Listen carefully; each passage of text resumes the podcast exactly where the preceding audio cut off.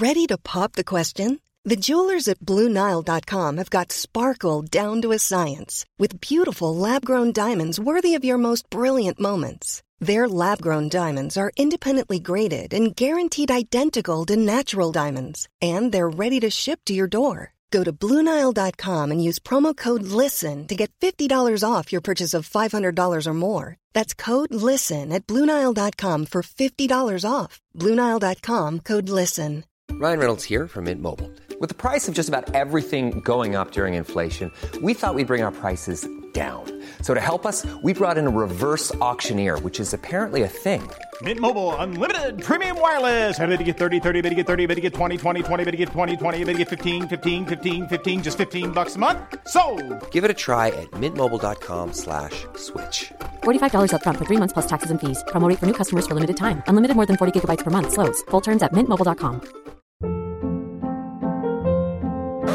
Hold up. What was that? Boring. No flavor. That was as bad as those leftovers you ate all week. Kiki Palmer here, and it's time to say hello to something fresh and guilt-free. Hello Fresh. Jazz up dinner with pecan-crusted chicken or garlic butter shrimp scampi. Now that's music to my mouth. Hello Fresh. Let's get this dinner party started. Discover all the delicious possibilities at hellofresh.com.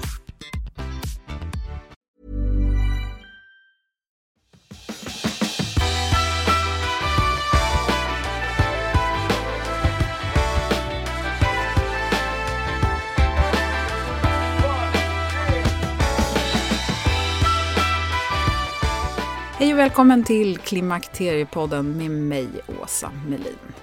Ända sedan jag startade Klimakteriepodden så är det många som har undrat om jag inte kan göra något liknande för män om män. Och jag har kategoriskt bara sagt nej, jag struntar i männen. Vi måste få ha det här för oss själva, typ. Eh, och gör det själv om du brinner så för männen. Men några avsnitt har jag ju gjort där vi talar om män för att ni som lyssnar kommit med frågor värda att reda ut. Och det är faktiskt ungefär 4% av lyssnarna som är upplysta män som lyssnar på Klimakteriepodden.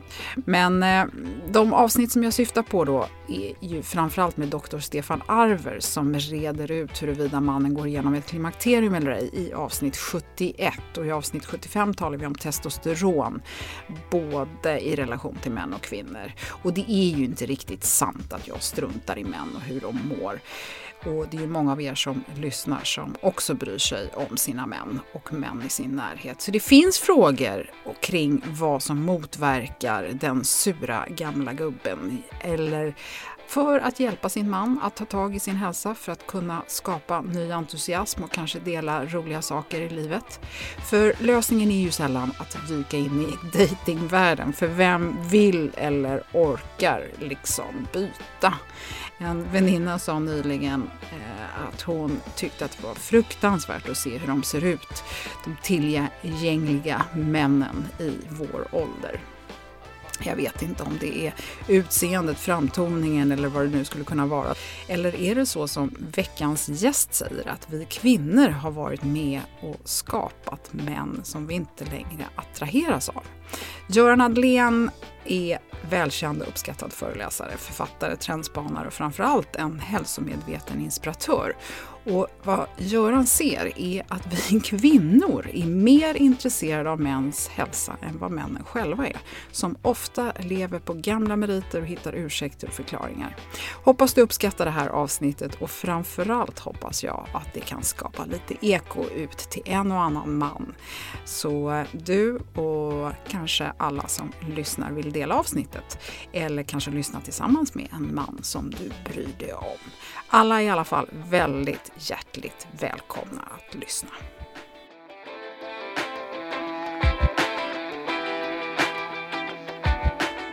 Då, Göran Adlén, vill jag önska dig hjärtligt välkommen till Klimakteriepodden. Tack så mycket. Spännande att ha dig här. Ja, verkligen. Lite oväntat tycker jag också att vara med i den här podden. Du tycker det? Ja, men lite grann tycker jag. Så jag tycker det är riktigt eh, nervöst och lite så här småspännande. Ja, Vad kul. Eh, jag har ju hittat dig, dels en person som för länge sedan rekommenderade att, eh, som tyckte att du skulle vara med i Klimakteriepodden. Och det var en man, för att han ansåg att du var en förebild för många andra män. Och då sa jag vi skiter i männen i den här podden, nu fokuserar vi på kvinnorna. Men idag ska vi göra lite båda delarna. Mm. Eh, för väldigt många eh, kvinnor går ju igenom sitt klimakterium och sen så hamnar de liksom en annan plats än de hade innan med sin manliga partner. Och du som inte har en manlig partner får antingen stänga av eller hänga med ändå för jag tror att det blir spännande oavsett vem man är när man lyssnar på det här. Men vi kan väl börja med Göran och få reda på lite mer om dig. Ja, det är en, spä en spännande fråga. det, det skånska ursprunget går knappast att eh, ta miste på. Eh, pluggade ekonomi i Lund, lirade tennis, hade ambitioner att bli tennisproffs på detta, misslyckades med detta, flyttade upp till Stockholm, eh, hamnade sen i reklambyråvärlden och den här så riktigt, riktigt fina tiden vi inte hade budget och annat tjafs. Och sen började jag undervisa på IOM parallellt med detta och Bergs. Och för den som inte vet så är ju det då olika typer av marknadsförings och reklamskolor. Exakt. Eh, fick mer och mer förfrågningar liksom, ah, men kan inte du gå ut, komma ut då till oss och börja prata lite grann också? Vi har en kick-off. Och plötsligt då 1999 så bestämde jag mig. Jag hoppar av den här branschen, tänker satsa ett år på att vara lite föreläsare och åka runt. Och på den vägen är det. Jag är inne på 23 året. Misslyckades kapitalt med det här första året och fick ett otroligt gensvar. 2002 började jag med trendspaningar, gjorde trendrapporter, och det har varit ett sånt här galet intresse. Jag fyllde Oscarsteatern en och en halv gång och där jag pratat om precis allting. Så att jag har varit ute, tror jag, på över 4000 ställen och pratat inför massor med grupper. Och det du inledde med, i väldigt många tillfällen har jag faktiskt fått vara den enda mannen. Mm.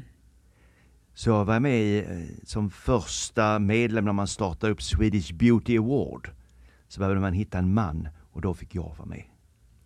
Och var det för att du var en man som kvinnor förstod sig på eller var det för att du var en man som var särskilt duktig? Eller, vad, eller man hade, hur hade man sett dig? Ja, men de hade sett mig på någon föreläsning och tyckte att jag var intressant. Mm. Och sen var det väl lite grann att kunna ändå smälta in i den här gruppen mm. av extremt duktiga kvinnor. Och sen har jag haft en hel del andra sådana uppdrag där det varit oerhört mycket kvinnor. Mm.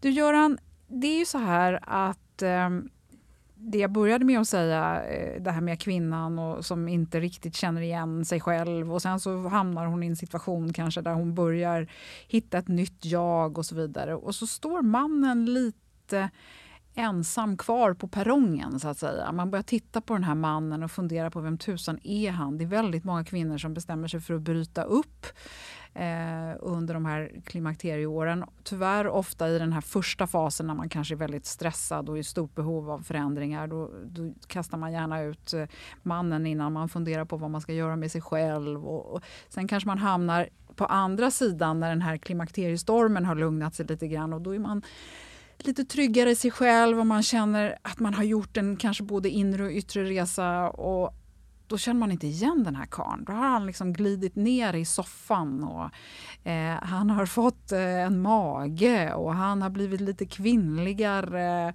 till sitt tilltal. För det är ju lite det andropausen gör med mannen, att mannen blir lite mer kvinnlig och för oss kvinnor så blir vi lite mer manliga när vi tappar vårt östrogen. Mm. Så, så eh, kan vi, kan vi liksom få höra dina tankar kring det här? Ja, men jag, men jag tror precis detta. Jag tror att Män tar generellt alldeles, alldeles för lätt på det, medan kvinnor engagerar sig, börjar hitta former, går på seminarier om, om klimakteriet, lär sig detta, börjar träna etc. Medan männen ligger kvar, precis som du säger, i soffan lite grann och lever på gamla meriter. Man hör så ofta liksom, jag hade en bra grundkondis, jag lirade fotboll när jag var 20. Och så tror man liksom att under tiden magen växer, så tror man liksom att det är liksom grunden. Skaffar man sig en grund fram till 20-årsåldern, sen är det klart. Man ser relativt få man säger, äldre män på gymmet. Och det är lite grann också det här biten, gruppbeteendet. När man då har kompisar som ser likadana ut. Så tänker man, ja men jag behöver inte göra någonting. Jag är inte värre än vad han är. Mm. Och sen tror jag att har kommit, vi har kommit in i en extrem osäkerhet idag. Och det kan vara så lite provokativt att det kvinnor har skapat män som kvinnor inte vill ha. Utifrån hela jämlikhetstänket, men det har gått lite grann för långt. Männen är så extremt mjuka, man är så politiskt korrekt. Man ska göra allting så liksom lite försiktigt. Så hela attraktionsförmågan tror jag håller på att försvinna. Och eh, hur påverkar det relationen mellan man och kvinna? Det, eh, det, tror jag om. Om mannen är helt underdånig kvinnan, ligger i soffan med sin mage och inte orkar göra någonting. Då tror jag att det inte är så attraktivt för kvinnan. Nej, men du har ju också den här mannen som kanske eh, rusar runt med gräsklipparen och disken och, och, och tvätten och, och, försöker. För att, eh, om, jag, om jag bara tänker på lite grann hur många kvinnor är, inklusive jag själv kanske. Eh, I början av klimakteriet i alla fall så var jag ju väldigt argsint. Eh, och det bästa sättet att på något sätt eh, hålla min ilska och mitt, mina humörsvängningar i schack var ju på något sätt att vara följsam. Mm. Eh, så min stackars man hade det inte så himla lätt där. Eh, och, och, och, då tänker jag så här, finns det en... jag menar annars kanske det hade blivit världskrig. Förstår du vad jag menar? Möjligt att det är så. Det är möjligt att det är en sån, sån enkel förklaring också. Men det är väl hela det här samspelet och jag tror att mycket handlar, nu är jag inte expert på det här såklart, men eh, mycket handlar ändå om attraktiviteten. Mm. Det gäller att vara attraktiv för sin partner. Mm. Eh, Göran, du upplevde ju själv ett stort eh, behov av förändring. När i livet kom det? Ja, men jag tror att först, jag tror lite grann att det är som en trestegsraket första riktiga liksom, tankeveckan fick jag när plötsligt min förra fru ville skiljas. Jag var totalt oförberedd på detta. Eh, borde såklart ha sett all, alla de här varningssignalerna som kom. Jag jobbade. Jag hade så otroligt mycket uppdrag och prioritera jobbet helt och hållet. Och var, var var ni åldersmässigt då? Ja men åldersmässigt eh, slutet 40 var hon någonting och jag är 50. Mm.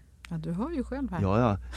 ja. ja. Och lite grann av detta, då kom den här första, första riktiga liksom, tankeveckan. Och jag vet så väl, vi eh, satt på tåget, vi hade, vi hade planerat resa direkt efter hon ville skiljas, som var rätt spännande, tre dagar. Och jag skulle leverera en krönika. Och jag skrev den krönikan på temat framgångsbedrägeriet som fick så fruktansvärt mycket spridning. Och vara väldigt transparent med känslorna när man liksom ligger i fosterställning, ligger och gråter på golvet. Titta på allt vackert man hade runt omkring sig, alla fina prylar. Vi hade precis allting. Så inser man, det är inte det viktigaste i livet. Så då började jag en, en rejäl resa rent man säger, mentalt. Jobbet var inte absolut viktigaste längre. Jag tog ett tibetanskt munkår istället för att hitta en ny partner efter sex veckor, vilket väldigt många män gör. Gjorde en kvinnlig resa, om vi säger inom citationstecken. Läste otroligt mycket sådana här böcker, självhjälp, Buddha, Dalai Lama, alla de här böckerna och fick otroligt mycket tankeväckare egentligen. Så den mentala biten, kan jag säga, ändrade jag mindsetet då. Sen var det väl för eh, snart två år sedan. Eh, då, jag hade alltid tränat mycket, men även jag hade lyckats dra på mig en, en, liksom, rätt, en övervikt på då kanske 10-12 kilo på detta. Och så började jag se de här eh, covid-siffrorna som kom. Började titta lite grann på, på vem som hamnade på IVA och liknande. Och som hypokondriker då, så blir, blev man plötsligt väldigt rädd när man såg detta, att det var överviktiga män, det var risk för diabetes, alla de här sakerna, eller personer som hade detta. Så då bestämde jag mig, nu kör jag igång. Vad hade du mer för, eh, alltså hade du några fysiska symptom eller hade du något annat som? Jag klarade mig bra eftersom jag varit försiktig med alkohol. Jag har inte prioriterat sömn särskilt mycket. Jag har liksom varit machomannen. Fem timmar, det är fullt tillräckligt. Kan sova på flyget. Eh, men börja prioritera alla de här bitarna mycket mer. Jag började bli mån om kosten på ett annat sätt. Jag fortsatte att accelerera upp träningsmängden. Det var det andra steget egentligen. Vad hände med den här mentala biten? Ja, men den men mentala biten var, fanns liksom kvar. Att jobbet var inte så viktigt och jag som föreläsare då fick köra väldigt mycket digitala föreläsningar. Vilket då gjorde att jag hade jättemycket fritid. Jag hade hur mycket tid som helst som tränare. Jag sov plötsligt som en, liksom ett barn. Gick och la mig tidigt. Tidigt på kvällarna. Och jag mäter då allting. Med sådana olika klockor, jag har ringen och jag har lite så här eh, olika saker. Och plötsligt så är liksom, wow, vilka värden jag börjar få. Ja, och så här fortsatte jag. Och det var liksom andra steget på något sätt. Jag gjorde en resa, jag gick ner. Men, men nu blir jag nyfiken för jag tänker så här, då är ju du väldigt, väldigt liksom i så här, åh jäklar vad bra jag är, kolla här på den här grafen och kolla här på det här och kolla vad stark jag har blivit och så. Vem, jo, alltså hade du någon annan som du såg skulle ta in det här eller var det för din egen, alltså jag tycker det där är spännande då med vem gör man saker för? Men dels gör man för sig själv. Det är roligare att se sig själv i spegeln. Dels är det då roligare att möta sin sambo på morgonen. Och man får ja, för under resans gång har du alltså skaffat dig en ny partner? Ja, det har jag gjort. Mm. Vi har varit tillsammans i sju år nu. Mm. Okay. Som är 14 år yngre mm. än vad jag är. Mm. Och det är också ett tecken på att man inte vill liksom gubba till sig för mycket. Nej, och hur gammal är du? Jag är 64. Mm. Och Pernilla är alltså 50. Mm. Jag brukar inte säga åldern egentligen, säga som min pappa som 98, att jag har fyllt 65. Mm. Han tycker att folk har så mycket fördomar om ålder. Mm. Jo men absolut, men jag tycker ändå att det, det är intressant eh, för lyssnaren att få en, en ja, bild av det. är det. Mm. Eh, sen är det lite intressant, jag, jag hade önskat att jag hade haft samma energi nu som för 20 år sedan. Så mycket mer man hade hunnit med då, men då var jobbet så viktigt.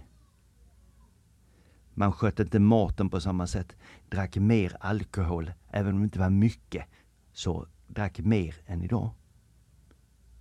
Och sen kom tredje, liksom, om man pratar om tre steg lite grann, som det satte riktigt fart på detta. För det hade hållit på i eh, åtta månader ungefär. Åtta månader med min diet, mitt otroligt sunda liv. Och sen fyller jag år. Och så blir jag bjuden på, Pernilla bjöd ut mig på middag. Vi äter en god middag, dricker ett par glas cava, äter sån här efterrätt och liksom med mycket socker och allting. Och slutet på kvällen får jag världens pulsrusning och blir livrädd. åker in till Karolinska, ligger på eh, observationen ett dygn där.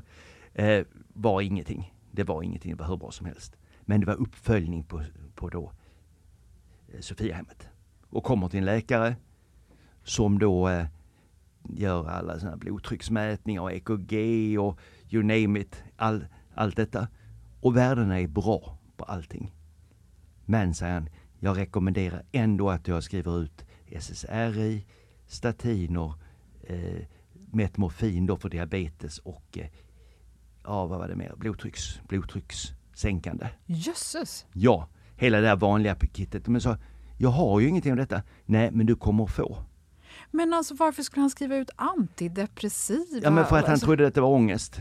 Jaha, så hjärtrusningen kunde kopplas till ja, ångest tänkte exakt. han? Okay. Och då titta, får jag liksom då han ritar upp en karta att du kommer få detta. Du är fortfarande överviktig tycker jag. För då tittar han på det här BMI. Mm. Liknande. Och då, då säger jag bara till honom liksom, ja men tack för dina råd. Men nej tack. Och sen, sen kom jag hem. Och sen så fick jag eh, lite så här lätt ångest själv på, på detta liksom. Tog jag rätt beslut? Så jag lyckades få till ett återbesök med en annan läkare. Som sa, nej men du ska inte ta någonting. Det finns inte någonting som tyder på att du ska ta det här. Och det, det triggade igång mig något så fruktansvärt liksom på att visa att det faktiskt går att förändra sig. Så att eh, jag var hos den här läkaren som ville skriva ut allting för ett tag sedan. Mm. Med alla mina provsvar. Mm. och sa precis detta, att du triggade igång mig. Ja, du har fantastiska värden nu, sån. Om vi tar de här 11 åren då ungefär sen, sen du då blev lämnad och började din mentala förändring till idag. Vad, vad tror du egentligen har gett bäst effekt på dig och ditt psyke och, och ditt eh, fysiska mående? Jag tror det, det att man börjar sig hälsa livet mer på ett holistiskt sätt. Mer på ett helhetssätt, att det är många olika bitar som ska hänga ihop. Det, det är träningen, det är träna rätt, äta rätt, sova rätt. Inte minst älska är en viktig beståndsdel. Så jag tror liksom träna, äta, sova, älska. Mm. Min sambo har det som hashtag ofta på sina inlägg på Instagram. Och jag tycker det fångar det mesta. Mm. Det är inte en sak, det är inte en sak. Men problemet är att de allra flesta som vill förändra sig ser det som en quick fix. Jag skrev det på Instagram nu på en, som en kommentar att de människor man ser på gymmet nu i augusti kommer vi inte se i september. För de vill, de vill åstadkomma förändringen på liksom 14 dagar. Nu tränar jag extremt mycket. Men det är liksom gram för gram. Det är liksom varje pass en liten, liten pytteförändring. Det går inte att ta de här 16 weeks of hell och de är, ja, om du fortsätter efteråt det, kan det vara jättebra. Ja, men, så att det är ett nötande, nötande, nötande hela, hela tiden. Ska man åstadkomma förändring så är det bara nöta, nöta, nöta. Det är som att tänka som en elitidrottare om man vill förändra sig själv.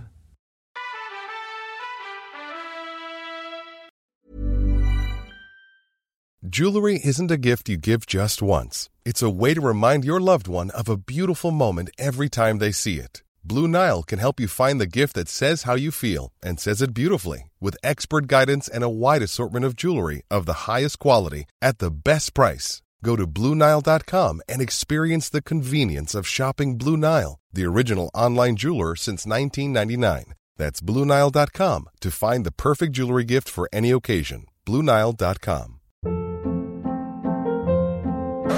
Hold up. What was that? Boring. No flavor. That was as bad as those leftovers you ate all week. Kiki Palmer here, and it's time to say hello to something fresh and guilt-free. Hello Fresh. Jazz up dinner with pecan-crusted chicken or garlic butter shrimp scampi. Now that's music to my mouth. Hello Fresh. Let's get this dinner party started. Discover all the delicious possibilities at hellofresh.com. There's never been a faster or easier way to start your weight loss journey than with PlushCare.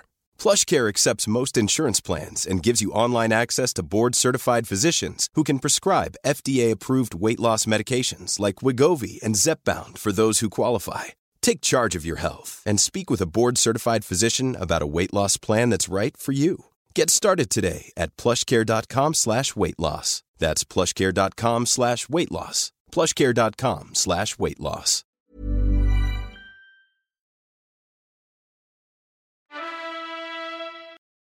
Men här tror jag att vi kanske då, om, om vi tänker nu att kvinnan som lyssnar på det här, alltså hon har en man som hon vill entusiasmera där hemma. Eh, och att tala om för någon att du måste göra en förändring, det är ju väldigt svårt när man ja, inte själv har sett behovet eh, av det. Det är helt meningslöst. För att, för att han kommer garanterat bara hitta försvarstal mm. för att inte göra förändringen. Mm. Så hur eh, kan man motivera eller stötta eller hjälpa någon att se att man själv behöver göra något? Peppa. Hur då? Peppa, jag tror också mycket utifrån det här med mycket handlar om, om maten. Mycket handlar om förändring i, i kosthållningen och sättet att vara eh, hjälpa till. Underlätta. Underlätta. Förbereda. Uppskatta små förändringar. Hacka inte för mycket på mannen. Vi män bara för, vi vill bara försvara oss. Mm. Män behöver träna, de behöver träna styrketräning för att för liksom bygga muskulatur. Vi behöver sova mycket mer.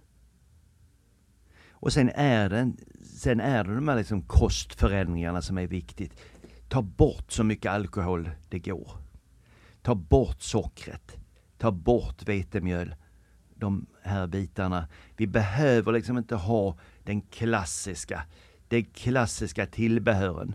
Vi kan mixtra med andra tillbehör. Vad jag tycker är spännande är så här, hur kan det då komma sig att kvinnor egentligen är mer intresserade av manlig hälsa än männen själva? Ja, det undrar jag också. Jag, har, jag började på LinkedIn i våras och lägga upp hälsorelaterade artiklar.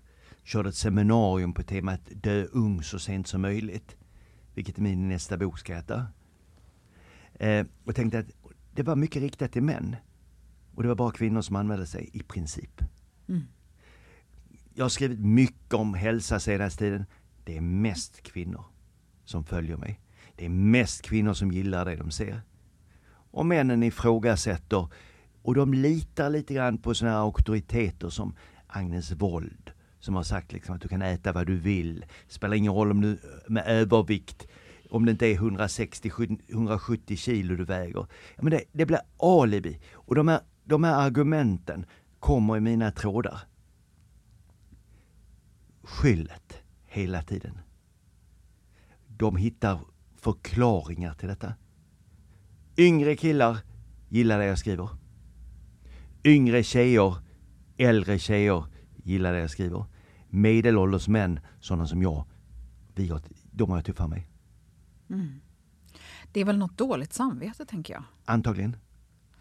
Ehm, det här med metabol hälsa då, eh, om vi kommer in på det, för det är ju egentligen det den här läkaren ville uppmana dig till, att i förebyggande syfte börja käka en massa mediciner istället för att yep. ta hand om det man kan göra själv. Ja. Då handlar det ju mycket om det minskad muskelmassa, man får större midja och så finns det ju risker då med ja, framförallt för hjärt-kärlsjukdomar, också de här inflammatoriska processerna. Du som kan det här, du vet ju när det blir farligt. Om man nu som då står bredvid person ska faktiskt hjälpa sin partner eller man då i första hand när det börjar bli farligt. När börjar det bli farligt? Ja men när det börjar bli farligt, jag tror att det är kanske det första man ska skaffa. Det är två saker. Det är ett måttband. För att ta midjemåttet. Som då inte ska vara, det finns lite olika men 102, 104 då börjar det liksom, då, då börjar man ska se, då ska man se upp om midjeomfånget är på detta. Det andra jag tycker man ska köpa, det är en sån här eh, blodsockermätare. Och ta faste blodsocker på morgonen. Är det då över 6, ja då är det, då är det liksom prediabetes. Är det över 7, då är det diabetes. Mm. Det tycker jag, det är, det är en investering liksom på 450 kronor. Mm. Och där tror jag att eh, männen gillar siffror generellt sett. Om vi ska generalisera. Får man se det förhöjda fasta blodsockret, då börjar man bli lite rädd. Och vill man bli väldigt, väldigt generös, ja då tycker jag, jag har en ring på mig här, en Aura-ring. En finsk startup. Jag har inget samarbete med någon av de här produkterna. Men eh, den mäter hela tiden readiness och sleep. Och när man då får se de här värdena, det är en 0 till 100, får man 85 får man en, en sån här liten krona. Och jag blev så glad när man får de här kronorna. Och vi är ett gäng som har de här ringarna. Och eh, när man får de här toppvärdena, ja, men då är det lätt att skicka iväg till varandra. Då blir det lite status. Mm. Hälsa kommer att bli vår nästa stora statuspryl. Ja, för det var dit jag egentligen var på väg. Eftersom du nu är trendspanare så måste du berätta. Vad tror du att vi är på väg när det gäller hälsa för kvinnor och män 50 plus?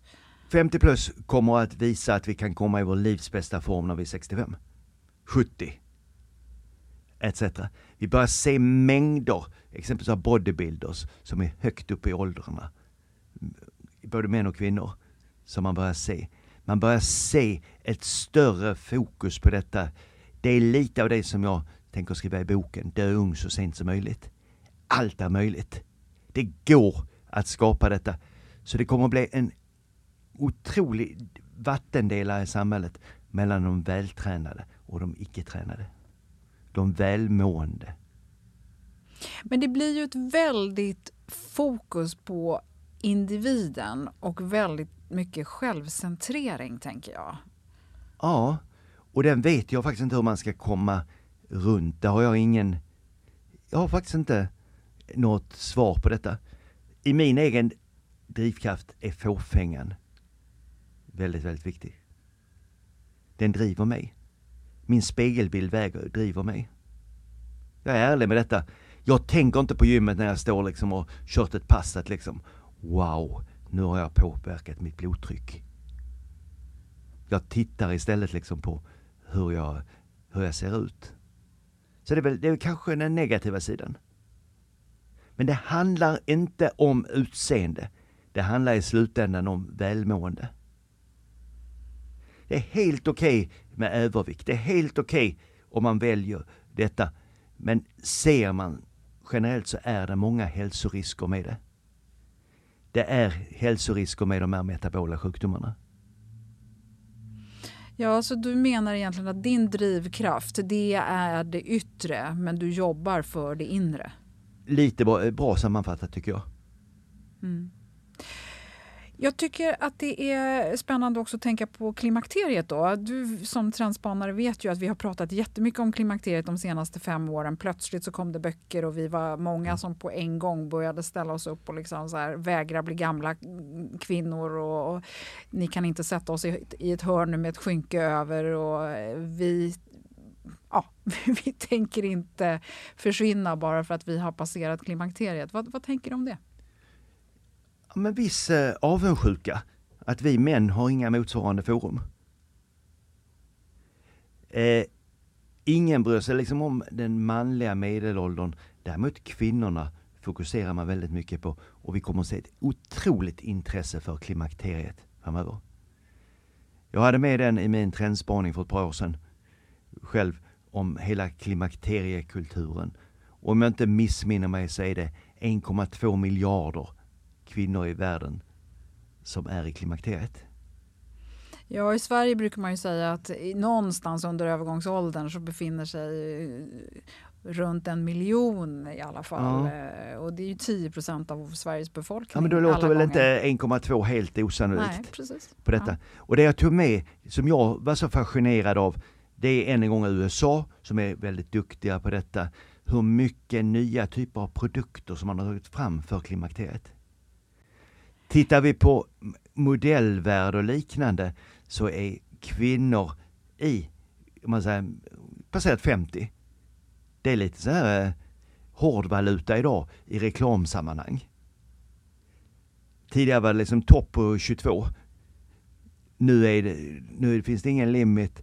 Många influencers börjar bli rätt högt uppe till åren. Mm. Så att intresset för frågan kommer växa något enormt. Men finns det faror med det här då? Jag kan inte se faran direkt. För jag det, tänker på att man liksom det, hoppar på någonting och profiterar på det eller att det utvecklas en massa eh, ja, humbug-grejer. Ja men det är klart det gör. Det, det är klart det kommer komma massa humbug. Hela hälsobranschen innehåller en hel del humbug. Såklart. Mm. Det, det kommer in i alla växande branscher.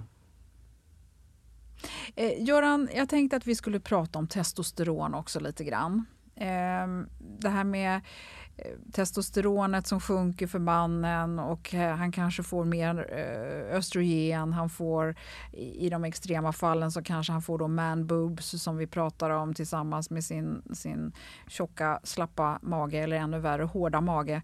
Eh, vad, vad tänker du kring testosteron? Ja, om man tänker med ett enda ord när vi pratar testosteron, är ordet missuppfattning. Det är jätteroligt när man pratar testosteron. Nu är jag absolut ingen expert på detta. Jag läser så mycket jag kan om det dock.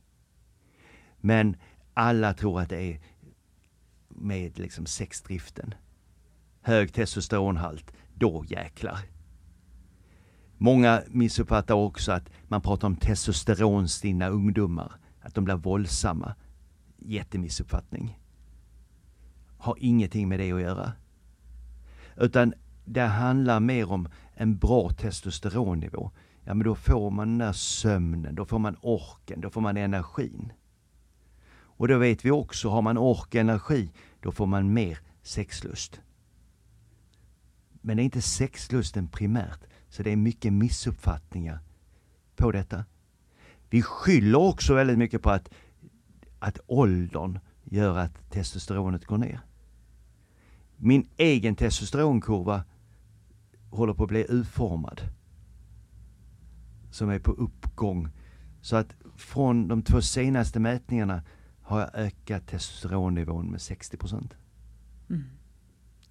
Och det är genom dina livsstilsförändringar? Livsstilsförändringar och eh, tillskott och framförallt då i form av zink och magnesium.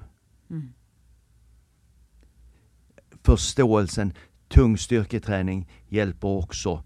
Eh, intensiv träning, kortvarig, hjälper också för att få upp eh, testosteronnivåerna. Men framförallt sömnen. Mm. Så varningssignalen är egentligen, somnar man i soffan när man ligger och tittar på TV, då finns också risk att man har lite låg testosteronhalt. Ja, och det kan ju bli väldigt spännande då att eh, se på sin man om man lyckas eh, få honom att gå och lägga sig och man lyckas få honom att äta lite sundare och lyckas få honom med ut i gymmet, inte vet jag. Men eh, det här med att ta testosterontillskott har ju blivit väldigt liksom det har blivit en, en ganska stor grej även bland kvinnor att man tror att det är på något sätt lösningen att få tillbaka ja. sitt jävla anamma och att man ska orka sig upp ur soffan och att man ska bli så, inte bara kåt utan man ska bli väldigt mycket mer av det här. Ja. Framförallt den här liksom jävla anamman ska komma tillbaka och man ska bli liksom så här, ja. nu kommer jag ha ork och göra allt möjligt. Och det är klart det, det är den enkla vägen. Det är quick fix, ta en pill, ett piller så Eh, så funkar liksom allting. Jag tror liksom att gör livsstilsförändringen först. Funkar inte livsstilsförändringen, då kan man börja fundera på. Jag tror också att det är, det är för lätt att få utskrivet idag, testosterontillskott. Mm. Jag tror mm. alldeles för många får det. Mm. Det tror jag är väldigt olika också, kanske olika regioner och olika läkare som har lite olika inställning till det där. Det tror jag också. Det tror jag också. Men jag tror generellt sett, vi har liksom kompisar som ganska lätt har lyckats få mm. testosterontillskott. Mm. Festa hårt en kväll, eller en helg. Mm. Kommer dit där, icke utsövd, då har du ett lågt testosteronvärde. Mm. Och då, då, är, då kan du få utskrivet.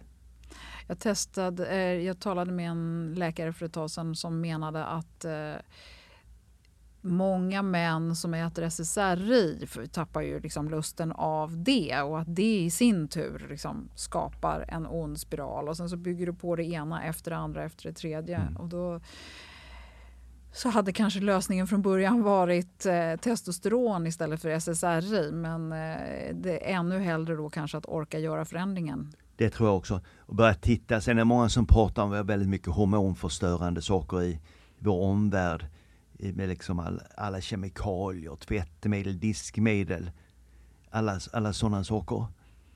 Man börjar prata om det, detta. Mm. Mycket skit som vi petar i oss. Mycket av den här ultraprocessade maten. Men det räcker, gå på en badplats så ser du. Hur mm. många vältränade män ser du på en badplats idag? Ja, eller ens normalviktiga. Ja. Mm. Ja det är inte lätt. Nej. Och sen hade vi liksom hela covid där många la på sig sina trivselkilo. Mm. Vi, har, vi, har, vi har också en hel livsmedelsindustri som petar i socker i allt. Mm.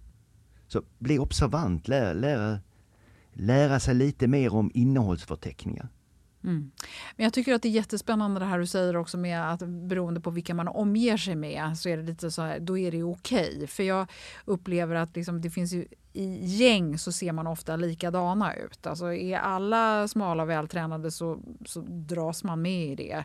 Är alla tjocka och, och trötta så dras man med i det. det. det. blir väldigt jobbigt att sticka ut i de här olika... Eh... Det, det, är skitjobbigt. Det är, jag har liksom eh, kompisar nu som eh, fjärmar sig från mig. Och det var mm. en som sa mycket ärligt, det är så jobbigt nu när du har lyckats. Mm. Men jag, jag, jag gjorde en föreläsning på en golfklubb i Göteborg. Eh, och så satt jag där efter för att jag skulle hålla en föreläsning till. Och så var den där fredagsgolfen.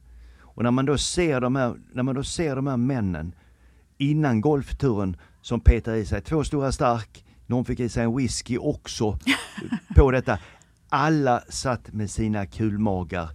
Alla åker sen ut med sin golfbil, lite halvfulla, upp, ut och spelar.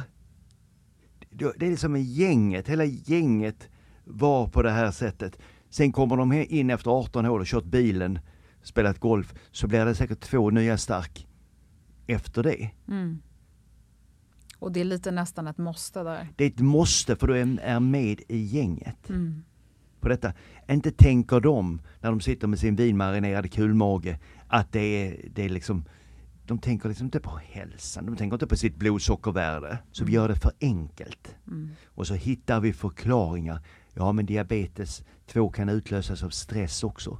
Mm. Nej, det är din gigantiska mage med all säkerhet som har gjort detta. Mm. Ja, det är spännande Göran. Jag skulle ändå vilja att du eh, avslutar med några ord här som du kan ja, men jag, som jag tänker kan inspirera om nu en kvinna har fått sin man att lyssna på det här eller en närstående vän eller bror eller kollega eller någonting. Eh, likväl som en kvinna som vill hjälpa sin, sin man där hemma eller någon annan närstående. Men jag tror vi har varit inne, varit ett jättebra samtal tycker jag. Eh, men eh, mycket av det här liksom, mät, mät värden lite grann. Jag tror att det är en väckarklocka för väldigt många. Eh, bara som en liten passus här. Eh, man gjorde en studie på USA, motsvarigheten till Folkhälsomyndigheten i USA. 90 miljoner amerikaner räknar man har prediabetes. 70 procent vet inte om det. Mm. Så vi har enorma mörkertal. Mm. Och jag tycker det är så onödigt att gå med de här symptomen, vara trött, behöva springa upp på toaletten flera gånger på natten, somna i soffan, inte orka ha sex. Man missar väldigt mycket av livets goda. Mm. Så börja med det. Till man lär sig. Mm. Vi har extremt dålig kunskap kring Mm. kost, hälsa Mm. och träning. Mm. Det andra tycker jag är liksom, se till att de här är liksom realistiska mål. Utan på något sätt liksom trycka ner målsättningar. Men väldigt många män, det är quick fixet. Ja, men man sitter i maj och nu ska jag ha magrutor till midsommar. Och då vill man säga liksom, du kommer inte få magrutor, det är inte realistiskt. Men du, du kan ha gått ner några kilo kanske. Och sen tror jag liksom, peppa. Mm. Gör det inte till ett projekt, utan gör det till en process. För många gånger är det till den första december ska jag ha nått det här. Se det istället som en långsiktig livsstilsförändring som vi gör. Fira inte framgångarna med mer socker och alkohol. Det är inte det vi, vi kan göra. Lägg in de här, ja men bodybuilders kör cheat meals. De kör oftast två cheat meals i veckan. Vad betyder det? Fuska. Fus- fuskmåltider. fuskmåltider. Ja, mm. Ät, ät vad du vill, tänk inte på detta. Och sen återgå till rutiner. Mm. Och sen ett mycket, mycket konkret tips. Preppa maten. Ha matlådor i kylen. Så att ni hela tiden vet vad, vad ni ska äta för någonting. Det finns inte den här skitmaten hemma om man blir hungrig. Och sen gör förändringen lustbetonad. Mm. Och sen så se att vi kommer, vi kommer att misslyckas stundtals. Det gör ingenting. Ja, men skulle man äta en chokladkaka, banna då inte man säger mannen om man gör detta och ge honom alibi att han kan fortsätta sen resten med fem öl, efter detta och lite chips. Utan istället bara, men det är väl okej. Att ta den ena saken. Det är inte miss, dagen är inte misslyckad för att man har tagit en bit choklad, kanske. Men många ser detta, då är ändå den här dagen förstörd. Och så gör man alibi att fortsätta hela dagen. Mm. Tusen tack Göran för att du ville komma till Klimakteriepodden idag. Tack själv. Vi ska lägga upp några länkar om man är nyfiken på att läsa mer om dig och eh, var man kan finna dig i sociala medier och så vidare. Och, eh, eh jag tycker att det är spännande med inspiration och eh, jag är oerhört nyfiken på att se vad det här avsnittet får för ringa på vattnet. Det ska bli jätteintressant. Det är jag också. Känner mig lite lugnare just nu. vad bra. Stort tack Göran. Tack själv. Tack själv.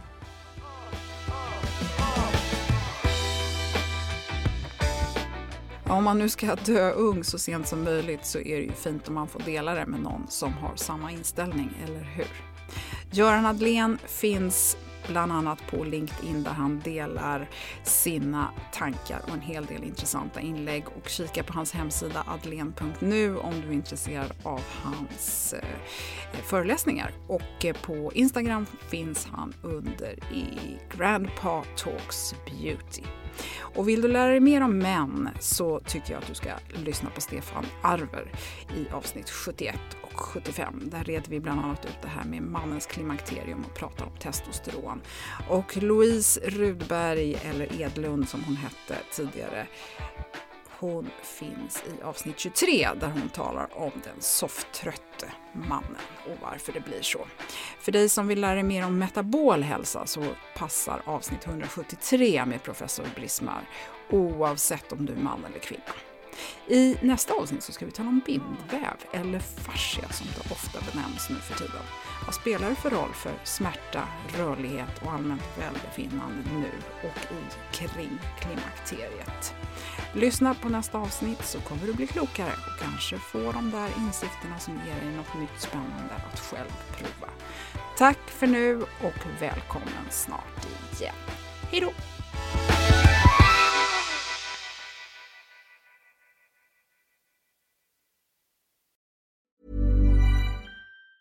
Hi, I'm Daniel, founder of Pretty Litter. Did you know cats tend to hide symptoms of sickness and pain? I learned this the hard way after losing my cat, Gingy. So I created Pretty Litter, a health monitoring litter that helps detect early signs of illness by changing colors, saving you money and potentially your cat's life. Pretty Litter is veterinarian developed, and it's the easiest way to keep tabs on your fur baby's health right at home. Go to prettylitter.com and use code ACAST for 20% off your first order and a free cat toy. Terms and conditions apply. See site for details. Ever catch yourself eating the same flavorless dinner three days in a row? Dreaming of something better? Well, HelloFresh is your guilt free dream come true, baby. It's me, Gigi Palmer. Let's wake up those taste buds with hot, juicy pecan crusted chicken or garlic butter shrimp scampi. Mm.